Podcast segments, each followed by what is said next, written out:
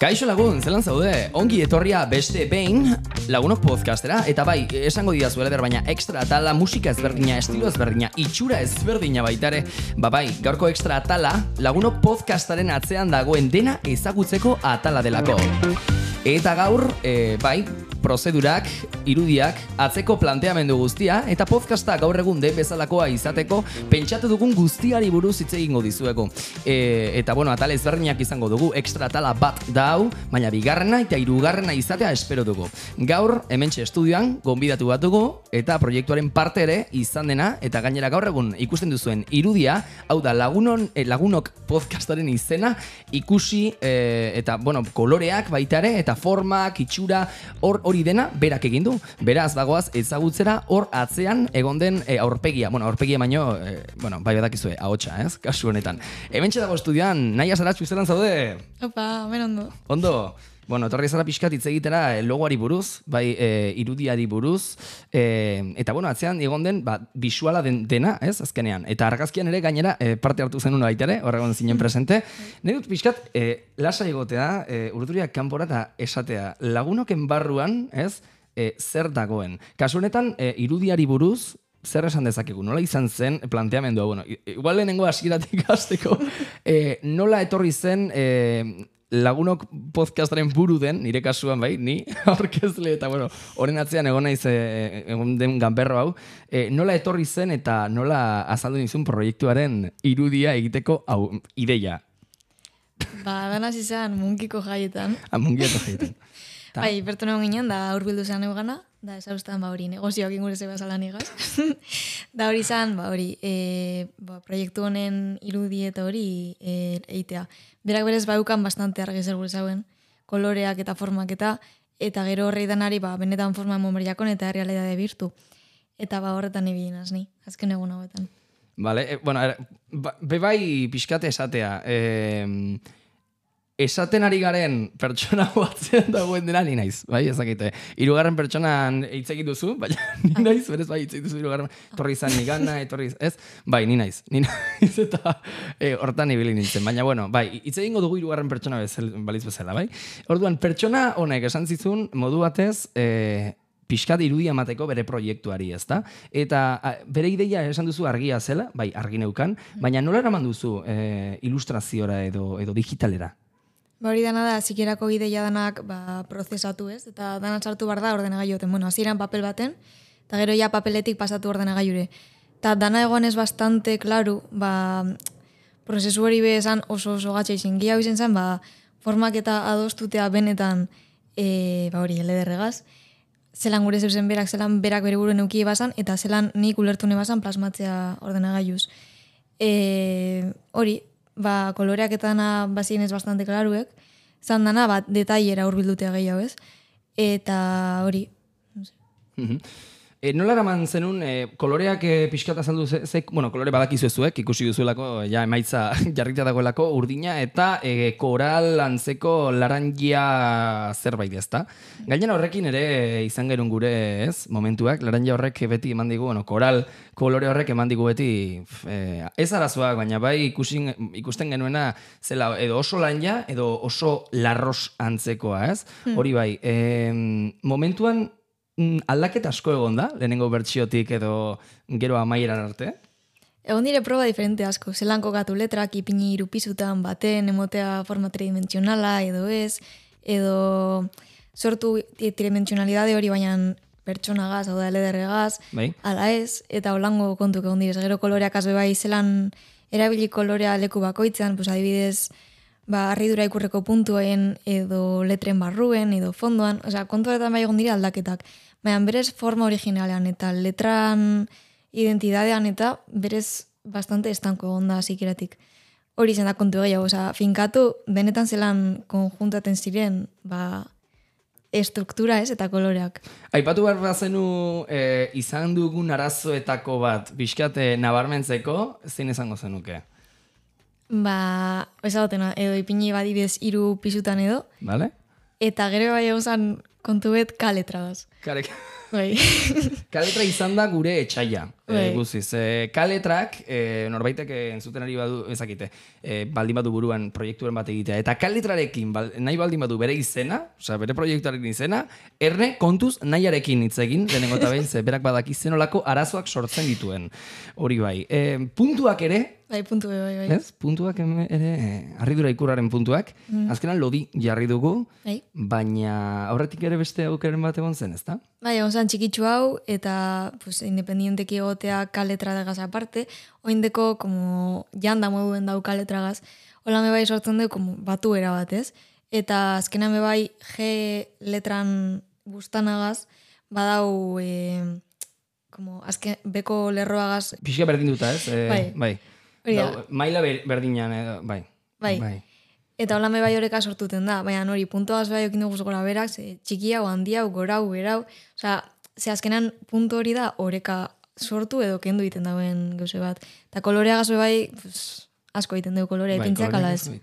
Gero ere, izan genuen beste ideia bat, eta izan zen, e, e, bueno, badaudela oraindik prototipoak, izan zela hori, hiru pixuena, bi pixuena, e, ze, klaro, lagunok gaur egun e, irakurte erraza da, ze, ikusten dugun bezala, ez, esaldi, ba, oza, esaldi ez, baina bai maila berean dagoen izena da, ez? Osa, lagunok, Osa, modu batez, ba, beti idazten dugun bezala, ez? Normal, idatzita esate baterako. Baina ere egon zen beste aukera bat, izan zela lagun eta bean ok jartzea, Bai. edo lag, ez? Un eta ok. Bai. Baina izan ja pixka jeroglifiko, ez? Baina bai, eta azkenean, ba hori, le- lehenengo bertsuekin eh, mareatu zinen asko, ez? bai, bai, zer da hori kontu egun dino ez da bapes eh, esarrite moduen, ez dakizu benetan zer gure dozun, zer gure degoen besteak, osea, hor da benetan, ba, saiatu barzaren momentuen, dana adostuten, eta zikeran botaten duzu aukera gehi hau, da gero bai bidatuten duzula batetik, ba, gehiago guztiako lako bezeroari, eta zeuri bai, eta, pues hori, adospen material du arte. Eta hori, hasiera beti zetan da apurret kaotikoa. Bai, bai, bai. Ze inspirazio izan dituzu alako logoa ja finkatzeko?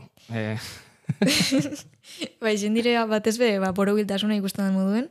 Baduz logo bastante, bai izenak borobiltxuek, eta horrek, pues, hori, pues, emoten deurie, como adiskidetasun hori, ez, urbiltasun, eta ez da bape zorrotza, da biogune, ez, urbilduteko gogoa emoten deusenak, eta eta pues, ikusiko zu ez, realidadan dauzela logo pilo, eta olango, olango itxura dikoienak.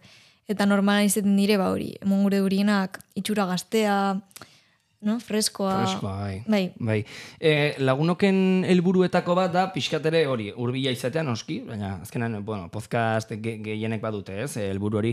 Baina badago beste bat eta da, e, serio bezala, hau da, seriotasun bat e, izatea, baina informaltasuna ere, hau da, aldi berean, eta hori e, nahiko zaila da. Orduan logoarekin saiatu gara pixkate familiarizatzen eta modu batez e, gertutasun hori erakusten eta nik uste lortu du, ez dakit, esatea, baina ados, ados.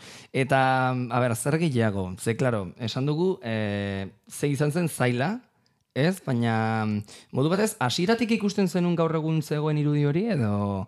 edo Gutxi gora esaten- bera, bai. Bai, Gitxe bera bai, ze esaten zen duna gaitik hori bai, izatea boro biltxue, eta zaki zer, eta koloretxuek eta be bai, nana lotu dantzeko. Gero, jo, eh? Nik banuen irudi hori, baina, klaro, nire, nire buruan bazegoelako, baina zurean, imaginatu, tipo bat dator da, hau nahi dut, ah, bai, bueno, ba, hori duzu, eta justu izatea, ez, Mm. jo, eh? antzeko bai, osea, bai egia da zira moten otu zela, pues hori, e, aukera bastante, ezberdinek, eta, baina hori, esan dut zuten, hasikeran beti behar da holango zeu zer. Baina berez zuk momentuen almeunkio jaietan esan ez arabera, antzeko zeu zer bai ulertu negoen. Bai, Bale, bale, orduan e, lortu dugu, lortu dugu, gutxi gora bera. Bale, bale. E, bueno, ez dakit e, lagunokek aurrera jarraituko duen edo ez, baina em, espero dut, urrengo logoan ere parte hartzea noski, eta ea, lortzen badugun, hau, baino, baino gehiago, ez modu batez, ondo dagoela, baina, bueno, ez dakit, hobekuntzaldera beti pixkat hobeto egitea. Ados, ados, bueno, alako gauzak horrela gertatzen dira, ez? E, Batean, eta banengoen e, begiratzen norekin kontatu, eta batean, ba, naia buruan eukan ere, eta esan nuen, joe, ba, bera, e, berez, e, ikasten ari zara, hau, ere, aprobetxatu Bai. esateko, hau, ez dela, e, ez dakit lagun bat, ez? Bueno, laguna bazara, baina, ez, e, kalean topatuta, ah, bueno, e, bai, honetan ona da, ba, saiatzea, ez, ba, zaude ikasten, ez zaude ikasten? E, e, nola? Diseinu grafikoa. Diseinu grafikoa, Bai. ez zaitateratzen inoiz izena. diseño grafikoa. Bale, bale, ados, ados, oso ondo.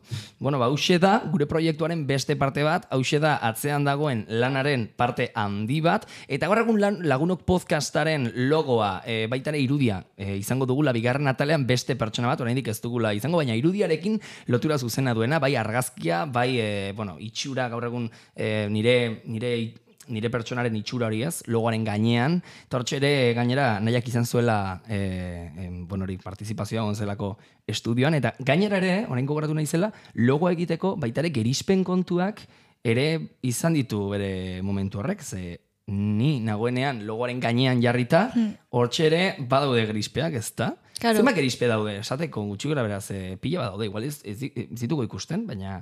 Berez argi puntu batetik dator, eta osea, gerizpea bakarra da, kontu da letra bakoitzean, ba, gerizpea sortu iten dela. Orduen, karo, emote den ez duen arren, pues, badauz gerizpea asko, ze letra bakoitzan badauz, eta gero gainera, e, berez, elederren presentziak iten du beste gerizpe bat, ez? Bere propio. Orduen hori dana bai kontu denuki, da. Eta, karo, kontu da, ba, estudioa joan ustean inbaziela gerizpe danak. Zele lengo zan argazkiatara, ikusi argi zelengo zan, Eta hori dana, eta orduen ja e, monteu gerizpedan emoteko realidade hori. Zei, izango azan aldrebez, pues, asko zue gatxau izango zan moldatzea logoko estoak e, argazkiko itzaletara. Ja, bai, bai, bai. Osa, dena dagoela piskalotu da. Ze, bai. klaro, lehenengo behar duzuna da argazkia ondo finkantzea, eta gero horren arabera logoa e, modu batez jarri ez, tridimensionalidade horrekin, eta nire itxura edo nire gorputza berez, ez? E, jarri baitare gerizpearekin eta ematea e, sakontasun puntu hori. Mm. Jo, bada, bada, zaila zure lana, eh, naia. Ja, bueno, baina ondo egin du, ondo egin du, e, hori uste baduzu, eh? ba, utzi zuen like hori eta zuen e, izartxo hoiek podcasteran, ea, ze, askotan, e, entzuten dugunean podcast bat, uste dugu, ba hori, dela hitz egitea mikro baten aurrean, eta gainera nik aurretik ez dut izan inolango esperientzarik podcastekin. Izan dut, ba, e, modu batez ikusentzunezkoa den beste gauza batzuekin, ba, bideo harinak, e, sare sozialetan jartzen direnak, baina alako, alako proiektu bat egiteko, ba, ba banuen, ez, banuen e, kuriositatea eta beste alde batetik baitare beldurra. Zer esaten nuen, klaro, hitz egitea gustatzen zait, e, komunikazioan beti ona naiz, baina atzean beste komunikazio mota daude. Hmm. Baitare, komunikazio bisuala, hain zuzen ere, E, eta kasu honetan hau ere bisuala bai bada bisuala, ez? Bai, claro. Ba, claro, bisuala. Bai. Argazkietan beti oinarritzen gara bisuala esateko, mm. baina honek ere pisu handia du. Ba, ba hori urrengo atalean, extra atalean izango duzu lagunoken parte den beste partaide bat. E, bera izango da argazkilaria, oraindik ez dugu aurkeztuko, e, geratuko zarete momentuz hori, e, zalantzarekin eta ezakit noiz izango duzuen extra atalau, baina hau aukera da baitare lagunoken atzean dagoen guztia ezagutzeko. Ez bakarrik atalak, ez bakarrik gonbidatuak, ez bakarrik kolaboratzaileak eta e, jorratzen ditugun gaiak, baizik eta ba, e, atzean dagoen alde teoriko hori badagoelako eta proiektua pixkatu beto e, bihurtzeko ba, bueno, ba, laguntzen duelako. Naia, ba, ba mila esker, ikusiko zaitugula izter, espero, ea podcastak bai. aurrera egiten duen, eta horrela ere, e, hori, eta gainera, e, urtea magirarako buruan dut, buruan dut, ez dakit azkenean egingo badugun edo ez, baina, bueno, espero zerbait egita hori seguru, hori zinez, E, baina, bueno, azkenengo atalerako zerbait dugu prestatuta eta hor ere proiektuaren parte, ez, diren e, hoiek ere izango ditugu. Beraz, e, oraindik ez dakizu zer, lehenengo, lehenengo e, albistea da zuretza, lehenengo barria, baina jakingo duzu, jakingo duzu eta ikusiko zaitugu. Mila esker naia, tortzagatik eta sola salditxo txiki honetan izatagatik. Zeuri. Bueno, e, eta hause da lagunok eta mila esker gaur ere gurean izatagatik, bai, honekin ere bukatuko dugu betikoa bestiarekin, amaiera bestiarekin, zeurrengo aste azkenean, atal berria dugu lagun, urrengo aste azkenera arte. Ei, ei, ei, jarrai ezazu lagunok podcasta. Spotify, Google Podcast eta Apple Podcasten.